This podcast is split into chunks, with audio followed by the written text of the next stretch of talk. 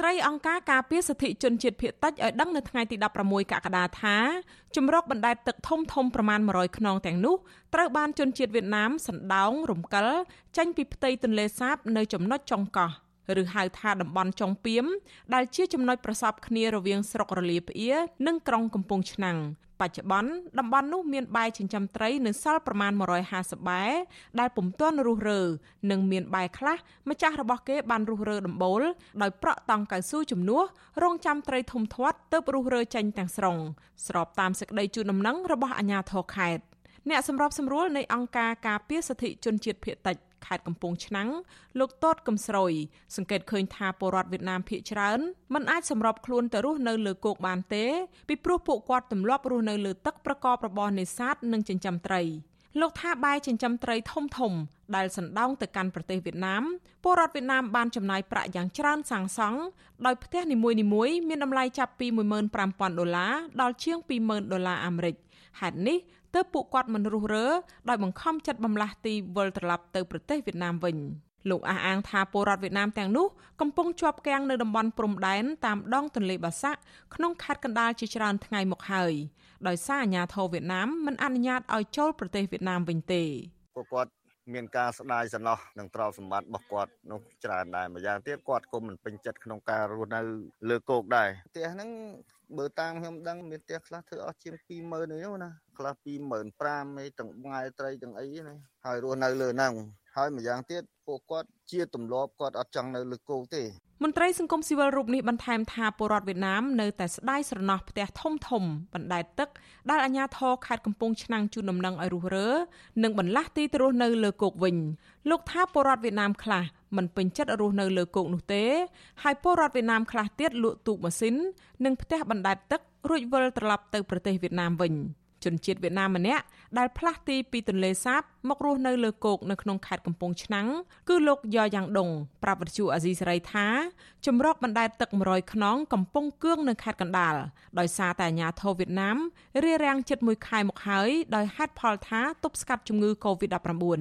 លោកថាអាញាធរវៀតណាមបានផ្ដល់ស្បៀងអាហារនិងអង្ករមួយចំនួនដល់ពលរដ្ឋវៀតណាមដែលកំពុងកកស្ទះនោះ លោកបន្ថែមថាអាញាធរវៀតណាមកំពុងរកមធ្យោបាយអន្តរាគមន៍ឲ្យអាញាធរកម្ពុជា អនុញ្ញាតឲ្យពលរដ្ឋវៀតណាមបញ្ជូនផ្ទះបណ្ដែតទឹកទាំងនោះឲ្យវិលត្រឡប់មកលើផ្ទៃទន្លេសាបក្នុងខេត្តកំពង់ឆ្នាំងវិញ tôi đang nâng vừa cái đó xài cái sao lại cái anh ở cho vẫn tôi chẹn cái thì vợ cái lá lượng lon chừng ngư cái nè. Lấy chừng nâng chứ, ta khăn khát được tôi đang nâng thì mỗi lần khăn khát được khăn sập tay dưới, người ta hưởng cái xa cái nữa cũng là do à, nát cơ nó mau quên nhận mau quên mà mai chung mình nhận và về vợ vậy đó ở là cái nói là khá hơn, một cái chuyên nó khăn Việt Nam với nơi à, bút sinh ăn thì à, mau bút sinh ăn rồi bụng luôn rồi trời, bụng luôn, chẳng hạn nào. Chung với như rừng này ប្រធានការិយាល័យកិច្ចការបរទេសនៃស្នងការដ្ឋាននគរបាលខេត្តកំពង់ឆ្នាំងលោកប៉ាន់ឡៃឈៀងបដិសេធការធ្វើអត្ថាធិប្បាយដោយលោករុញឲ្យទៅសួរអភិបាលខេត្តវិញវិទ្យុអាស៊ីសេរីមិនអាចតាក់ទងអភិបាលខេត្តកំពង់ឆ្នាំងដែលទៅបឡើងកាន់តំណែងគឺលោកសុនសវណ្ណរិន ដើម្បីសូមអត្ថាធិប្បាយជុំវិញបញ្ហានេះបានទេ នៅថ្ងៃទី16ខែកក្កដាចំណែកប្រធានសមាគមវៀតណាមលោកសឹមជី វិទ្យុអស៊ីសេរីក៏មិនទាន់អាចសុំការឆ្លើយតបបានដែរដោយទូរស័ព្ទហៅចូលជាច្រើនដង តែពុំមានអ្នកទទួលកាលពីឆ្នាំ2018រដ្ឋាភិបាលបានធ្វើអនុប្រយោគកាត់ដីព្រៃលិចទឹកទំហំ40ហិកតា ក្នុងភូមិដំបូកកកោះឃុំស្វាយជ្រុំស្រុករលាផ្អៀដើម្បីរៀបចំដីសម្បត្តិសង្គមគិច្ចជូនប្រជាពលរដ្ឋឲ្យបំលាស់ទីពីផ្ទះបណ្ដែតទឹកជាង2000គ្រួសារក្នុងនោះភាគច្រើនគឺជាជនជាតិវៀតណាមមកទល់ពេលនេះ អ្នកដែលទៅតាំងទីលំនៅនៅលើដី40ហិកតា មានជិត200គ្រួសារ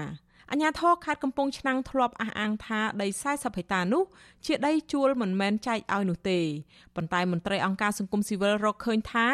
ក្រមប្រជាពលរដ្ឋវៀតណាមជិត200គ្រួសារដែលកំពុងរស់នៅលើដីនោះត្រូវបង់លុយឲ្យអាជ្ញាធរខ្មែរ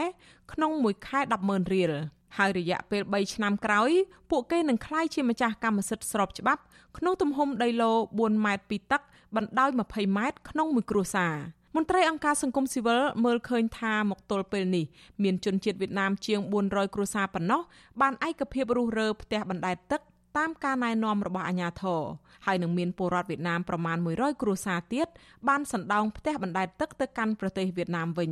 អញ្ញាធរខេត្តកំពង់ឆ្នាំងធ្លាប់ប្រាប់វិទ្យុអេស៊ីសេរីថាក្នុងខេត្តកំពង់ឆ្នាំងមានផ្ទះបណ្ដែតទឹកជិត4000គ្រួសារក្នុងនោះភាគច្រើនជាជនជាតិវៀតណាមបច្ចុប្បន្ននៅខេត្តកំពង់ឆ្នាំងមានជនជាតិវៀតណាមរស់នៅជាង10000នាក់ហើយកន្លែងដែលជនជាតិវៀតណាមរស់នៅច្រើនជាងគេនោះគឺនៅផ្សារក្រោមសង្កាត់កំពង់ឆ្នាំងសង្កាត់ផ្សារឆ្នាំង សង្កាត់ខ្សាមតំបន់ឆ្នុកទ្រូស្ថិតនៅក្នុងឃុំឆ្នុកទ្រូស្រុកបរិបូរហើយក្រៅពីនោះនៅស្រុកកំពង់ត្រឡាចនិងតំបន់ផ្សេងផ្សេងទៀតមន្ត្រីសម្របសម្រួលសមាគមអាត60ប្រចាំខេត្តកំពង់ឆ្នាំងលោកសំច័ន្ទគាមើលឃើញថាអាញាធរខេត្តកំពង់ឆ្នាំងបានប្រឹងប្រែងដោះស្រាយបញ្ហានេះហើយទទួលបានលទ្ធផលជាវិជ្ជមានខ្លះហើយ ប៉ុន្តែការអនុវត្តច្បាប់អន្តោប្រវេសន៍នៅតែធូររលុងនិងពុំមានភាពច្បាស់លាស់នៅឡើយទេលោកថាជនជាតិវៀតណាមដែលមករស់នៅតំបន់បឹងទន្លេសាបនិងដីគោកបានកើនឡើងពីមួយឆ្នាំទៅមួយឆ្នាំហើយការអនុវត្តច្បាប់អន្តោប្រវេសន៍នៅតែមានតិចតួចប៉ុណ្ណោះ និយាយចំរាជរដ្ឋាភិបាលត្រូវចេញគោលការណ៍មួយស្មើឲ្យជាគោលការណ៍រួមគោលការណ៍រួមមកដាក់តម្លាក់ចុះមកឲ្យអាជ្ញាធរមូលដ្ឋានលោកអនុវត្តតាមហ្នឹងបើមិននឹងទេខេត្តនេះឲ្យចលះទៅទៅនោះខេត្តនោះឲ្យចលះទៅនេះអ្នកនេះអនុញ្ញាតឲ្យឡើងទៅនេះអ្នកនោះអនុញ្ញាតឲ្យឡើងទៅនោះអញ្ចឹងវាអត់ ស្មើភាពទេវាអត់ត្រឹមត្រូវទេក្រុមអង្គការសង្គមស៊ីវិលចាត់ទុកការបំលាស់ទីជនជាតិវៀតណាមតាមរយៈកាត់ជ្រឿលដីទំហំ40ហិកតា គឺជាចំណុចល្អដើម្បីស្ដារបរិស្ថានទន្លេសាប កាត់បន្ថយការបន្ទោបង់ចូលទន្លេ កាត់បន្ថយការចោលសំរាម និងការនេសាទខុសច្បាប់ជាដើមក៏ប៉ុន្តែពួកគេថាដី40ហិកតានោះមិនគួរផ្ដាល់ជាកម្មសិទ្ធិស្របច្បាប់ដល់ជនជាតិវៀតណាមនោះទេ ពីព្រោះអាចនឹងប៉ះពាល់ដល់អធិបតេយ្យភាពជាតិនៅថ្ងៃអនាគត។ រីឯអ្នកប្រើប្រាស់បណ្ដាញសង្គម Facebook និងគណៈបកប្រឆាំងបានបង្ហោះសាររិះគន់អាជ្ញាធរថា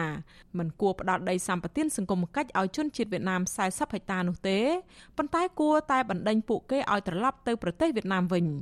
តាក់ទងនឹងក្រុមជនជាតិវៀតណាមដែលផ្លាស់ទីទៅប្រទេសវៀតណាមនោះវិញអភិបាលខេត្តកណ្ដាលលោកគង់សុភ័ណ្ឌបានដឹងថាបច្ចុប្បន្នផ្ទះបណ្ដែតទឹករបស់ពួកគេ កំពុងចតនៅលើផ្ទៃទន្លេក្បែរតំបន់ព្រំដែនក្នុងខេត្តកណ្ដាល ហើយអាជ្ញាធរបានការពារសវត្ថិភាពនិងជំរុញឲ្យពួកគេចាក់វ៉ាក់សាំងការពារជំងឺ Covid-19